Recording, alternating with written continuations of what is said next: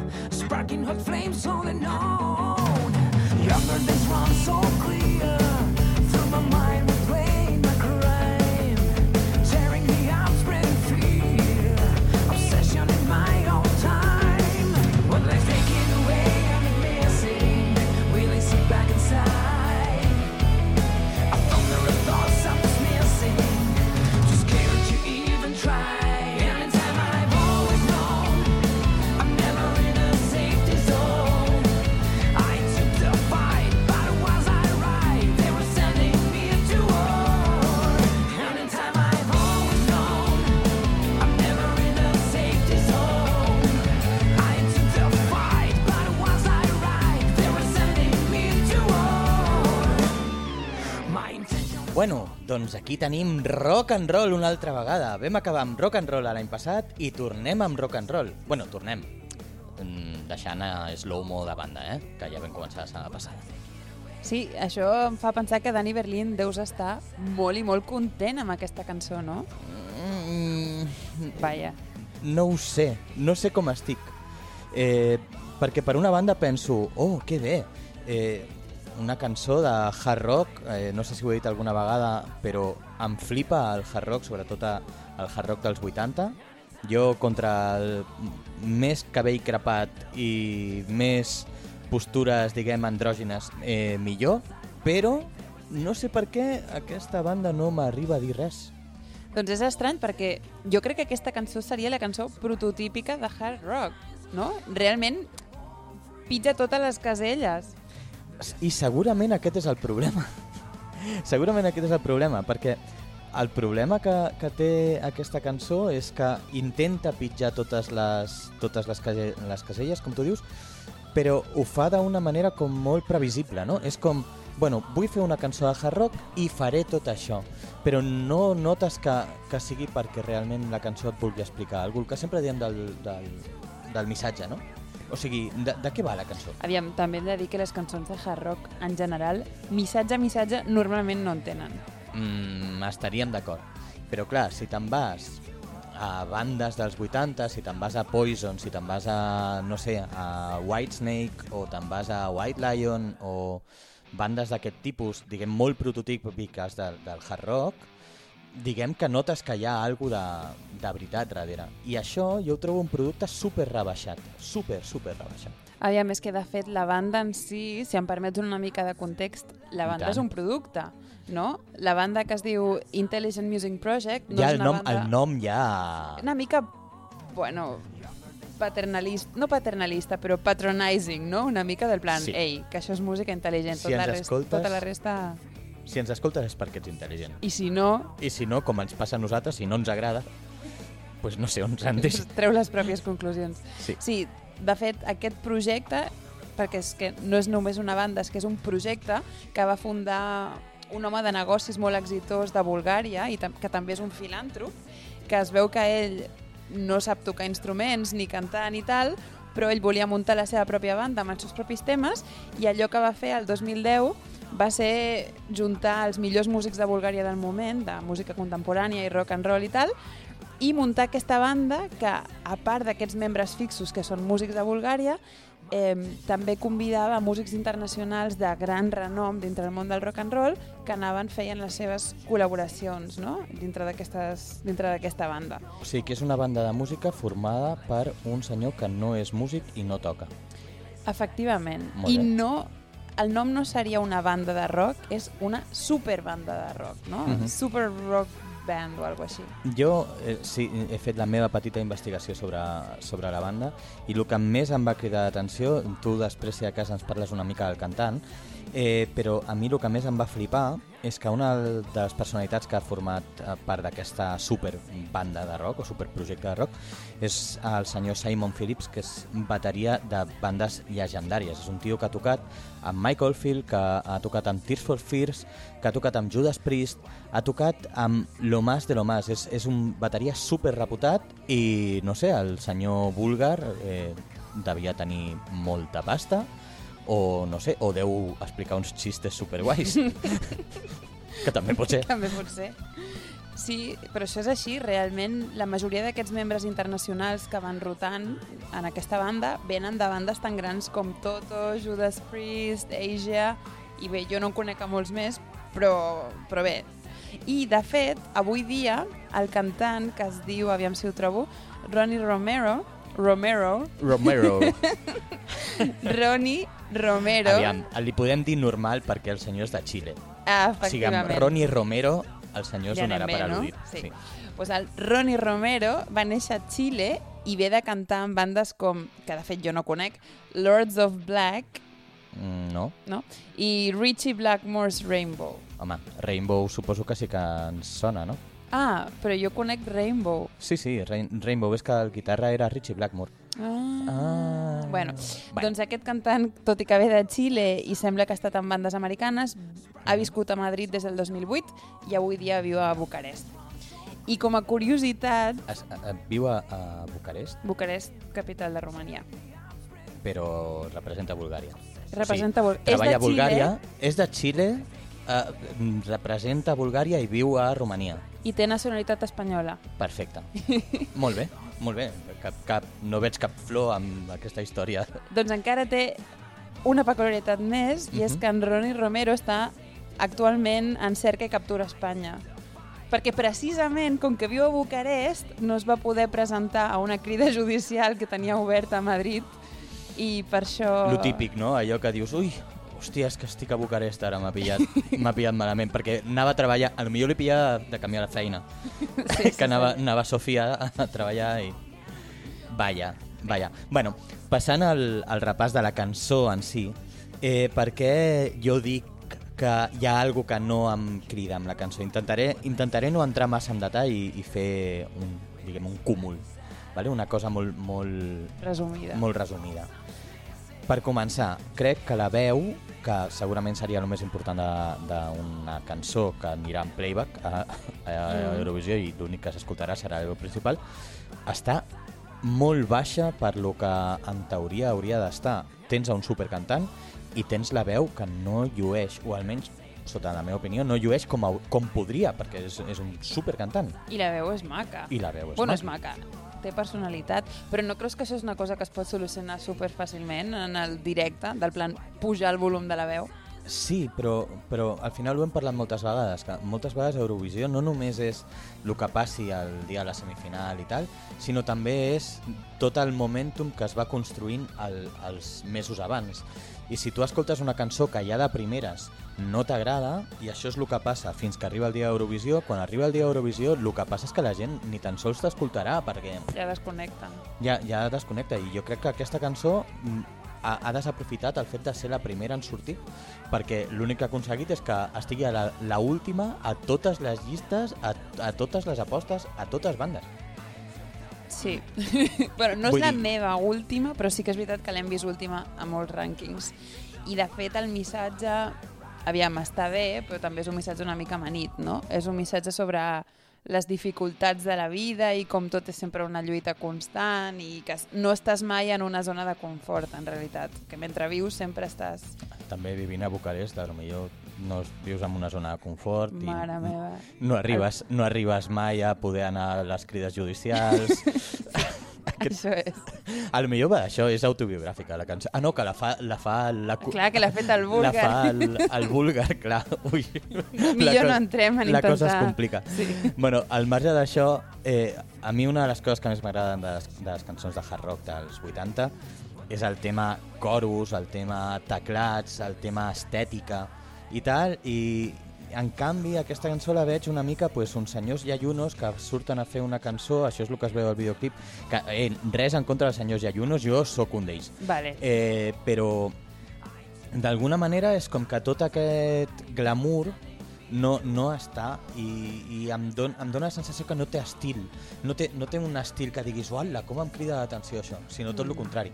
A mi em fa gràcia que creguis que la gent de hard rock, les bandes de hard rock tenen glamour, però bueno, perdona, sí, sí, ara entenc Que no moltes coses. que no has vist Kiss? glamour. Ah. Sí, no, no, entenc el que vols dir. Per mi li- el que li falta a la cançó realment és força, perquè per mi el hard rock, no sé, és música que l'escoltes i et dona molta energia i t'agafen ganes, no sé, de saltar i de ballar i tal, i amb aquesta cançó em quedo una mica a mitges, no sé, li falta força i li falta per mi veritat, sí, sona producte tancat i tot una mica pastel, no sé, no em convenç. I Sí. em sap greu. Sí, sí, a mi també em sap greu. Jo per acabar el, la part musical, dir que potser això que tu dius de que no tingui força és perquè totes les tornades tenen un peron just abans de començar, al mig de la tornada també, vull dir, té molts perons que no tenen cap tipus d'explicació. El canvi de la tornada, el canvi d'acords, no el trobo gens maco. La part del mig de la cançó, eh, que fa així com de, de coda abans d'entrar al solo, no li trobo el sentit. El solo el trobo super genèric, del pal de som, som una banda de hard rock, hem d'omplir el tic de hem ficat un solo de guitarra. Vull dir, és tot com, pues això, pues que no, no t'acaba de dir res, però omple tots els tics. I per mi no, no arriba, no, no, no arriba. I em sap molt de greu, com dèiem al principi, perquè, jolín, és una cançó de rock, saps? I que una cançó de rock, pues, ja diguis, pues no, Bueno, no et preocupis perquè crec que no serà l'única banda de rock aquest any. Aviam, aviam, aquella banda de rock. Sí, jo també estic pensant en la cançó de Manel tota l'estona. Sí. bueno, doncs això ha sigut el nostre review de uh, Intelligent Music Project, l'entrada a Bulgària, l'entrada del senyor búlgar que mana a, a tot allò. I ara amb què anem, Mia? Doncs anem amb la cançó Lights Off de We Are Domi, o no sé com es pronuncia, de República Txeca.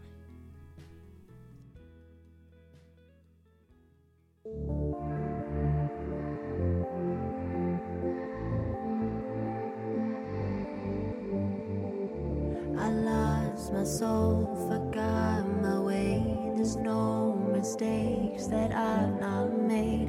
Change has hurt, and I'm alone. But people say, My, how you've grown. Try changing jobs, try changing lovers, changing my furniture, change my bed covers. I changed my heart, but there's not a chance. So I turn the lights off. Where are you now when I miss you? You're sailing around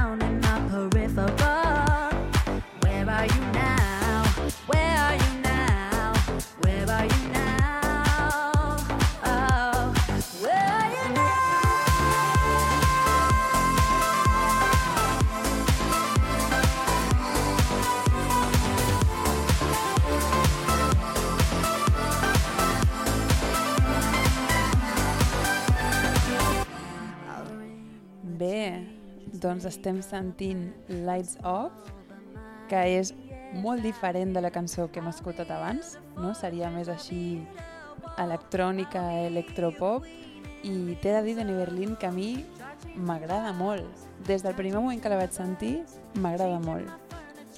Jo haig de dir que encara que mm, pugui tragar les meves paraules eh, més endavant o que no vagi del tot amb, la meva, amb les meves idees naturals, haig de dir que també.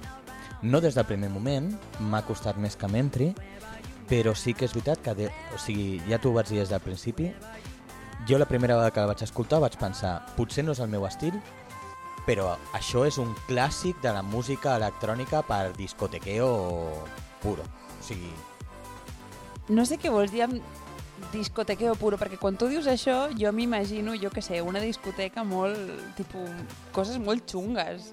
No, No, sé. home, no, no, no em refereixo a Scorpia, saps? O sigui, no, no anem aquí. Eh, em refereixo més de, del rotllo de, de la típica cançó que quan la posen a, a un club o en una discoteca eh, tothom es torna super loco, saps? Allò que la gent es mira, oh, han puesto nuestra canción, i fan aquest tipus de coses que jo mai he entès perquè la gent s'emociona quan posa una cançó que li mola. pues això, o sigui, la veig com aquesta cançó que és un clàssic immediat. Pot ser. De fet, a més de la cançó, crec que hem de dir Dani Berlin i jo que tenim un punt d'una connexió sentimental, no?, amb aquesta cançó. Sí, és veritat, i de fet ho vam descobrir fa molt poc, perquè, bueno, fa molt poc, ahir, perquè mentre estàvem mirant la final de Noruega, eh, estaven allà repassant coses i tal i qual, d'altres finals i d'altres cançons que ja havien sortit per Eurovisió i tal, i de cop i volta veiem que surten allà a la gala de Noruega el senyor que toca la guitarra i el teclista de d'aquesta banda, de We Are Domi, i ens vam quedar, ui, però què fan aquests? I comencen a parlar en noruec i vam dir, doncs pues seran noruecs. I vam dir, hosti, quina és la connexió que hi ha? Perquè aquests tios que són noruecs estan representant la República Txeca i resulta que aquest grup, eh, la cantant sí que és txeca eh, i aquests dos nois són noruecs i es van conèixer a Leeds, que és on vam viure durant un any la Mia Morris i myself. I, home, ens va tocar una mica perquè vam pensar, mira, es va, a més es, es van conèixer també per un tema d'estudis. Sí, estudiaven al Leeds College of Music Uh -huh. i allà van connectar. Doncs sí, doncs aquesta és la nostra connexió personal amb We Are Domi. Eh, al marge d'això, eh, analitzem la cançó en si. Estem parlant d'una entrada, de música electrònica, eh, per mi molt ben composada, eh, en la qual el videoclip és molt blau i el senyor guitarrista en un moment treu un arc i toca una guitarra amb l'arc del violí per, suposo que fer-se xanes. Eh, que em sembla bé, eh? Aquí, respecte. Eh, de què va la cançó? Doncs la cançó va sobre la sensació de confusió després de trencar amb algú, no? I la noia diu alguna així com he intentat de tot, estic super confosa, no sé què fer, estic perduda, he intentat de canviar de feina, de canviar l'edredon, de canviar els mobles de casa, només em queda canviar-me el cor, però això no ho puc fer. I no sé què fer, per tant el que faig és apagar les llums. Per això es diu la cançó Lights Off. No sé, a mi la veritat és que em sembla una cançó que mm, veient com, en, com van les apostes, és veritat que ara mateix tampoc no et pots fiar massa perquè falten moltes cançons per sortir i la gent també mm, hi ha com aquest hype quan les cançons surten i després baixar el suflé, per tant hi ha cançons que surten després eh, que sembla que vagin a ser alguna i després baixen les apostes i tal. Però jo crec que aquesta cançó té possibilitats de, de fer un molt bon paper. i s'està aguantant molt estable, diguéssim, en tots els rànquings, no? De fet, la majoria de rànquings que veiem la tenen al top 5. Mhm. N'hi ha que no, però en general està molt ben valorada. I s'ha de dir que a- al voltant de com va ser seleccionada, aquesta cançó no va ser seleccionada, o no va ser la favorita dels fans txecs. De fet, Ah, no? no, el públic txec la va deixar bastant baixa, estava com a mitja taula dintre de les propostes que hi havia per República Txeca i va ser la crítica internacional, o bueno, el, el jurat expert internacional i els vots dels fans internacionals els que van donar un suport total a aquesta cançó i per això va sortir. I es va provocar també un drama com a Benidorm o... La veritat és que no he fet força recerca, però aquest sembla ser el tema d'aquest any, no? Sí, no? Perquè, bueno, pa, el tema Ucrània potser ja és una mica fora de lloc, ja quan arribem al moment ja, ja ho parlarem, però bueno, sí que ha passat en molts països, no? El tema aquest de que el públic va per una banda i després el, el jurat, diguem, més professional, en aquest cas l'internacional, sembla que va per una altra banda. Jo haig de dir, ja ho vam dir, em sembla, la setmana passada, però al final eh, hi ha moltes vegades que la penya es deixa portar per, per, per al fanatisme no? i per lo que les coses li criden. I jo crec que quan el, un jurat tècnic que sap una mica més del rotllo fa dona la seva opinió d'una una direcció, jo crec que és per algú. Sí, però s'ha de dir que en aquest cas la cosa no és que vingués d'un jurat professional, la cosa és la diferència entre el que va votar la gent local i la gent internacional. Aquesta banda realment no hagués sortit escollida si s'hagués votat dintre d'un àmbit molt nacional, si la, la gent de República Txeca haguessin votat només ells han sortit gràcies al suport internacional, que això en realitat està molt bé quan t'estàs preparant per Eurovisió, perquè el que busques és suport a nivell europeu, a nivell europeu com a mínim. Però clar, fins a quin punt representa això el que realment volien els xecs, això no ho sabrem mai. Clar, això és el mateix que dèiem en Benidorm, no? que al final segurament l'opció que va sortir uh, per Espanya era la que més s'adeia a el que significa Eurovisió i, i la cançó que més podia mm, triomfar per part d'Espanya a Eurovisió, però segurament no era la cançó que representa la gran majoria del públic espanyol o la cançó que el públic espanyol volia que, la, que el representés. I està aquesta d'això, no? Això per què ho fem? Perquè per portar una cosa que, de la qual ens sentim orgullosos i ens sentim representats o aquí vamos a ganar i ja està. I da, da igual que sea 1-0 en el minuto 95 de penalti injusto.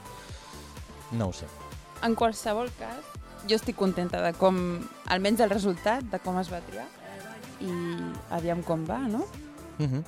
Tornant a la cançó anterior, a Intention de Intelligent Music Project, tu quin paper, ja ho hem deixat bastant clar, eh, però com creus que quedarà en Eurovisió? Aquest any, ho, en comptes de fer-ho com ho fèiem l'any passat, donant un, una puntuació, fem un, diguem, un average de lo que creiem que els hi passarà a quina posició aconseguiran a, al festival. Tu què creus que farà aquesta cançó?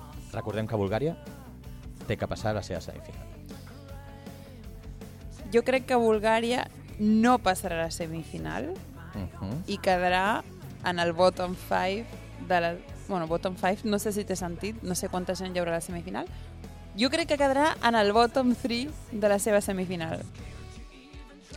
Jo crec que, a no ser que la posada en escena ens sorprengui, i jo crec que no ens sorprendrà, perquè al final és una banda de rock i jo crec que tiraran a, pues allò, pues a, a posar una posada en escena de Som una banda de rock, jo crec que també, que quedaran bottom 3 de la seva semifinal. I Lights Off de Domi, We Are Domi, perdó.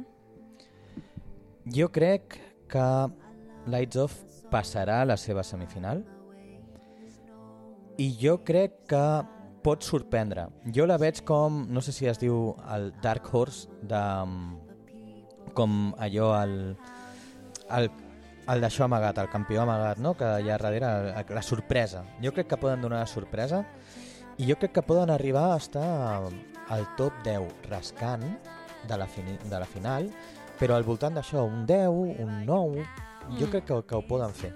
Jo estava pensant també en top 10 de la final, però no m'arriscaré tant i diré top 15, perquè encara ens queda molt per veure. Sí, això és veritat. Ara és una mica arriscat perquè encara ens queden moltes cançons per, per conèixer. Eh, per tant, no... Suposo que això ja ho anirem actualitzant eh, conforme passi el temps. Però bueno, fins aquí el programa d'avui. Eh, dues cançonetes i la setmana que ve més. La setmana que ve més i Dani Berlín, esperem poder escoltar alguna de les teves versions aviat, no? Aviat, aviat, aviat. Eh, Ja he seleccionat les cançons que vull fer aquest any i intentaré fer-les eh, coincidir amb països que, que fem el review aquell dia. En quants idiomes cantaràs aquest any? Ui, doncs crec que com a mínim, com a mínim amb 3. No, amb 4. Amb 4. Com a mínim amb 4. Bueno, estem, tenim tots moltíssimes ganes de sentir-te i fins aleshores us desitgem... Perdó, en 4 i cap d'ells és un idioma natiu.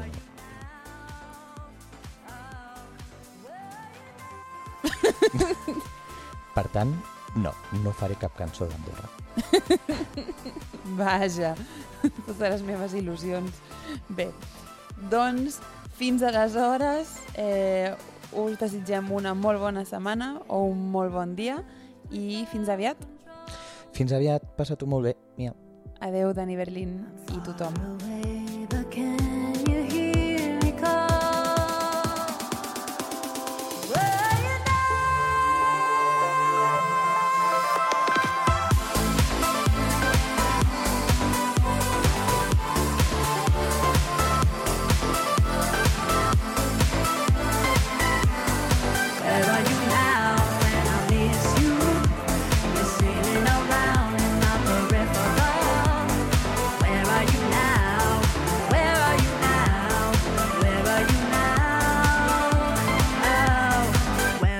ஆனா